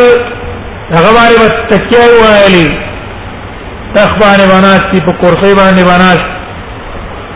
او وای با ما وجدنا فی کتاب الله اتبعناه یا فما وجدنا فی من حلال استحللناه قران کې چې کوم چې حلالي ابا حلالي او چې کوم به حرامي ابا حرامي نبی صلی الله علیه وسلم خبردار الا انما حرم رسول الله مثل الذي حرم الله ابن ماجه روایت ته ابو داود روایت دا دین دلیل شو دا حدیث په دې چې رسول الله صلی الله علیه وسلم احادیث را مستقله شرع ده دریم دلیل استقرار استقرار تتبع استقرار دا دلالت کوي په دې ان فی السنه اشیاء لا تحصى كسرا وي په حدیث کې ډېر د احکام دي چې د ډېر والی د وجه سره راجم کیږي نه لم ينص عليها في القران او قران کې پاغه باندې سره نشه نه ده نفس نه راغله په قران کې لکه تحریم نکاح المرأة على عمتها تحریم نکاح المرأة على عمتها او خالتها تحریم الحمر الاهلیه د کورنو خرو غوخه خورل كل ذي ناب من السباع احکام العقل احکام الشفعه فكاك الاسير وغير ذلك دا سره په قران کې ذکر نه دی او رسول الله صلی الله علیه وسلم به ذکر کړي تشریح کړي دا تتبع او استقراء دلیل لري چې احادیث رسول الله صلی الله علیه وسلم مستقله شرع ده سلورم دلیل د جمهور لپاره چې احادیث د رسول الله صلی الله علیه وسلم مستقله شرع ده او هیڅ رجع قران ته ضرورت نشته النصوص الوارده في القران الداله على وجوب اتباع الرسول هغه آیاتونه دي چې قران کې راغلي دي او دلالت کوي په اتباع رسول او داغه په طاعت کې چې پیغمبر تابعداري وکوي دا خبره به معنی فيما يأمر به وينهى عنه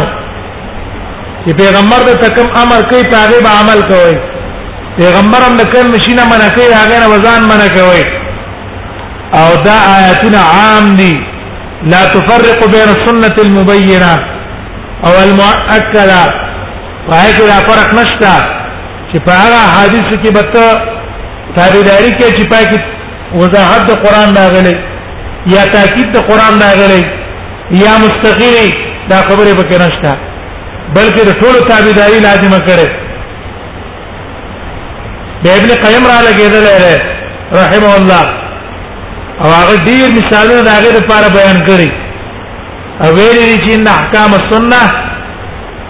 التي ليست في القران وي هغه احکام چې په احادیثو کې شته او په قران کې نشته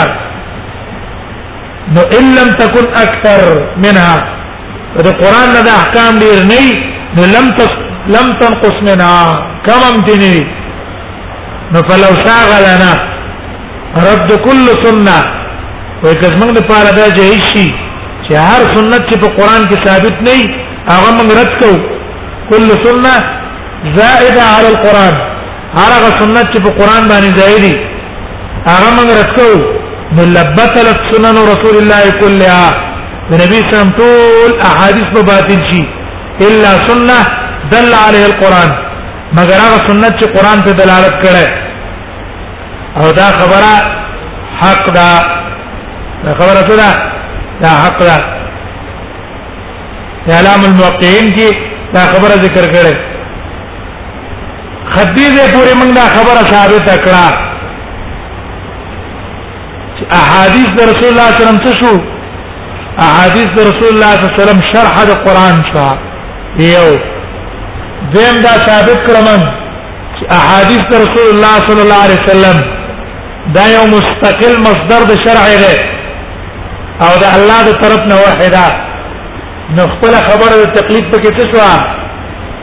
ثابت شو چې کله مونږ ته یو خبره د قران او حدیث موافق رااله او مذهب د قران او حدیث ته مخالف وو نو دا ارچا مذهبو مونږ به دا مذهب پریدو او قران او حدیث په دې بجو دا خبره ښکار شوه تر امام چې مذهبي کله امام شافعي مذهبي کله امام مالک مذهبي او کله امام احمد مذهبي وجد ارچا مذهبو او چې قرآن او حدیث ته مخالف مونږ به سکو هغه به مونږ پریدو خبره خپل معلومه شوولې وجدادا چې قرآن او حدیث نه وحده داغه تابعداري په مونږ لازمه ده او اجتهادات د علماو دا داغي آرا دي داغي په تابعداري باندې الله مونږ نیمو کلب کړی څنګه نیمو کلب کړی چرته په قران او حديث کې دا به ثابت نه کوي چې الله موږ مکلف کړی په تابعداري د چا امام او امام په تابعداري امن دي بازي کسانو تاریخي دا څونه ضرور دي هغه تقلید واجب ده تقلید نه ده واجب ده او چا تقلید واجب ده امام صاحب تقلید الک دا وجوب خو دلیل شرعي دی دا حکم شرعي دی او حکم شرعي د وجوب د پاره دلیل شرعي په کار دی کوم ځای کې امام صاحب نوم دی چرته په قران او حدیث کې امام صاحب نوم خو کوي کنه دا تقریر خو لا پرې دی امام صاحب نوم خو کوي چرته پکې شته کوم ځای نه تقلید ثابت او دلایل هم چې به وي نو دلایل به عامي داوه خاص عجیب خبره ده دعوه د خاص ته دلیل عام نه چا ویلي دي چې خاص دعوه په عام دلایل ثابتېږي خاص دعوه چرته په عام ثابتېږي بیا خو دعا په سنت نه مو معنا کنه پیات اجتماعي ولې ودعو ربکم عمومي دلیل نه کړه دعا د الله نه غواړي انت نه مری دلته دعوه خاص ده نکره چې راټین کې بدلایلو کې نو بیا لاند وای چې منګر امام سے تکلیف په مسائل منسوسه کې منګ نه کوو څنګه نه کوو په مسائل منسوسه کې منګ امام سے تکلیف نه کوو په مسائل غیر منسوسه کې منګ کوو اول خو منګ وای دا تاسو ځان خلاصول دي ځان خلاصول اول راشه د ایمان خبره ده ایمان د قران او حدیث نه دا معلوم دی چې ایمان یزيد و ينقص زادتم ایمانا او زدناکم هدا ربطنا على قلوبهم القران کې راځي امام بخاری رحمه الله زیادت د ایمان لپاره مستقیم طریقې راوړي مستقیم طریقې راوړي امام صاحب ته صرف قول منسوب ده چې هغه قائل زیادت نه ده او کوم چې د ایمان اصل تصدیق ته پکې زیادت او رخصان نه راځي حال لاره چې شان ورشا کشمیری رحمه الله هغه رد کړی چې امام صاحب دا قول صحیح نه دی امام صاحب هم قائل له پشان ته ده جمهور چې په ایمان کې زیادت او نقصان راځي خو چون کې مشهور غلط قول امام صاحب ته ده نو بخاری کې ټول جوابونه کوي کنه کوي څه کوي آیاتونه کې تعویل کوي په حدیثو کې تعویل کوي دا تعویل چې تاب منسوخ کیو کو پته ولګیدله چې په معادی او منسوخو کې چا په روانه امام صاحب په روانه اسی من ته خبره کې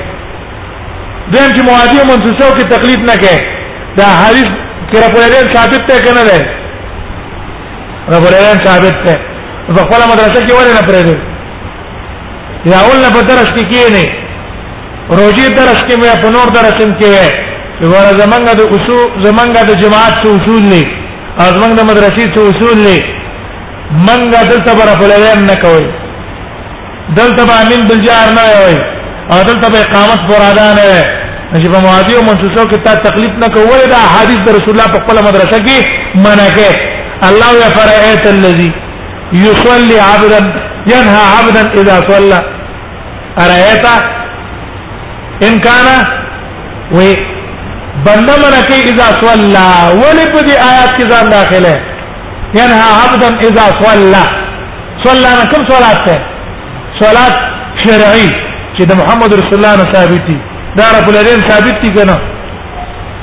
رب العالمین په صحیح حدیثو کې ثابت دي ادم او رب العالمین کې یو حدیث ته یو حدیث او هغه باندې لس اعتراض دي لس اعتراض دي په لس صرف یو حدیث ته د عبد الله بن مسعود او هغه لس اعتراض دي او پر رب العالمین کې دو اویا احادیث دي دو اویا او هیڅ اعتراض ته نشته ده ټول علماء معنی چې دا صحیح دي نو صحیح مونږ منع کې او هغه معترض علیه مونږ هغه پرې دي او ته یې په مواضیع منسوسه کې څه نه کوه تقلید نه کوه اسی دروغ وای ولې دروغ وای ولې ته مواضع منصوصو کې تقلید نه کې وایا کنه من د مواضع منصوصو کې تقلید نه کوم موږ مدرسه کې ازادي ده څوک رب العالمین کوي و دې کې څوک نه دې کوي نه دې کوي څوک لاس دلته کې دلته دې دي پنامې دې پنامې دې دي نامه لاندې کیری کیری لاندې په شخص کته ور ویلي په شی ور دی ویلي ان شاء الله موږ ته نه وایو چې دا لاس ولې دلته کې خوستګ دې چې دې دې تک ده چرته بیا تګدا او د دې مدرسې کې د پندیشتو کارونه زیات وشو چرته به دا ثابت څوک نه کی چې دې مدرسې نه موږ څوک استری په دې باندې چې ته حنفي ته حنفي مقلد دا به چرته موږ مدرسې نه استری نه استری باندې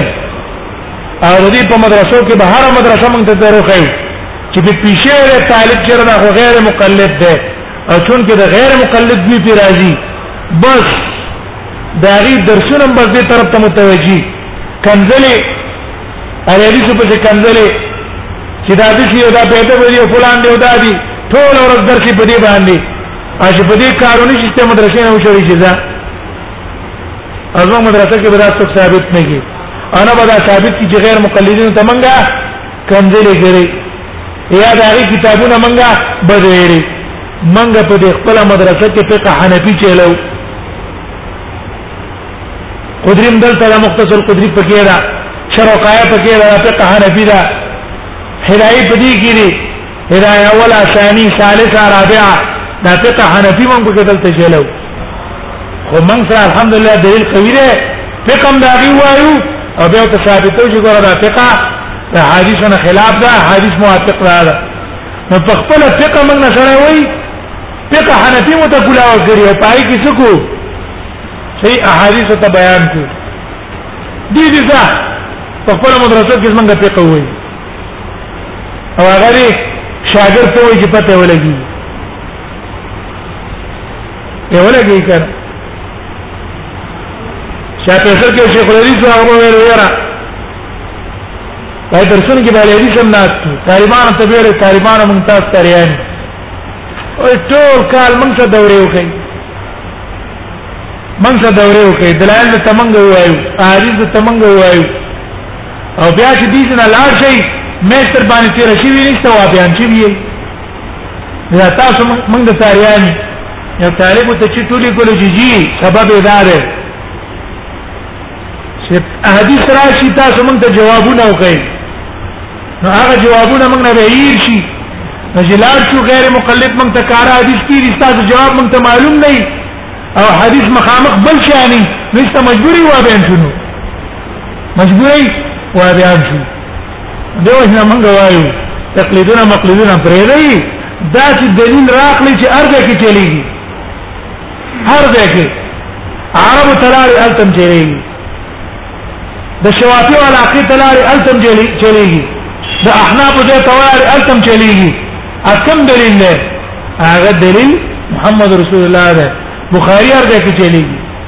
ابو داود درته کې چلیږي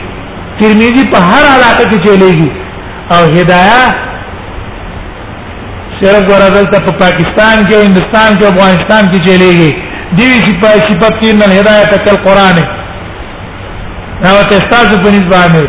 اخوا چې جاس کې کېره په دریا به خواوري کنه نه په مراکش کې نه په کویت کې نه په سعودي کې په دې علاقو کې څوک هدايه پیږي نه هدايه څه شه ده ته هغه ته چې هدایت دې شي راغلی هدایت څه شي ده مړه هدایت هدایت دې غاری وایا داوود وایا مسلم وایا ترمذی وایا هغه ته یو د دې دلیل او شرط کې چلیږي اصل د نشاط د پاره چې دا درس له کوګه سستړي شوی د نشاط د پاره یو قصه بیان کړو استعکار کې علي حدیث عالم ترشه هغه چا سره باش دا عالم را اولګېدو مسله او تپیش کړي بخاری کې ذکر راغلي هغه مولا را اولګېدو وینا هدايه کې دي چې هغه جمعات کې تعالی او دې تر اولګېدو ته ویل چې ترکه دا کتاب کتاب ته واغستو اداره ته دا قران نه دی وینا قران نه دی وې دا کتاب خو رسول الله حدیث کو نه دي کنه وې نه وې دا د عالم خبرې دي یا د عالم خبرې دي وې راکا دې واغشتي تعالی ته ورغورځو وې ما ته د رسول الله خبره پیش کا عالمان خبرې ورته نه پیش کړي مقتدیان ته وایي چې مولانا صاحب ستا کتاب یو ورته تل دې کتاب تعالی ته ورغورځو کنه هغه د دې کتاب په څو ورته ته کافر کېږه ما ته به کېږم ته کافر کېږه ما او د چې ما کتاب ورته دې ته کافر نشو نو موږ وایو ګوره د دې دلیل نشي چې څوک دې منکر کیږي ته کافر کیږي ته د دې دلیل مې څه چې سره ته منکر کیږي ته کافر کیږي نه قوي دلیل نشه او الحمدلله موږ صدقه دلایل دي که چا انکار وکړو موږ یې ځات ورور رسېده دجوی بس دې ته ورسېدل اګه دا اقوا تعالی ما وین چې انکار کو تړې په کافر کیږي نه دین ته خور راځي که سره دې امام صاحب نه منم کافر کیږي زه سره امام صاحب وجود نه منم په دنیا کې سره تیر شوی نه دی امام شافعي وجود نه منم سره تیر شوی نه دی د امام احمد وجود نه منم تیر شوی نه دی د امام مالک سره وجود نه منم تیر شوی نه ده زه کافر شوم او که یتنه محمد رسول الله نه ده تیر شوی نه منم کافر شو کنه شو څونه فرق ده لیم خبر رااله څونه فرق ده مضبوط دلیل نیول پکار دی دیو جنا احادیث د رسول الله تبارک او او د احادیث د رسول الله صلی الله علیه وسلم چې څوک مخالف راغی کائن من کان چې ارسو کی کاغذ من استاد کاغذ من د تنظیم مشری کاغذ من د مذهب امامي او قبل عالمي احترام به کو خبره بل لری کو او قران او حدیث په دې بجو یو باش پاتې شو ان شاء الله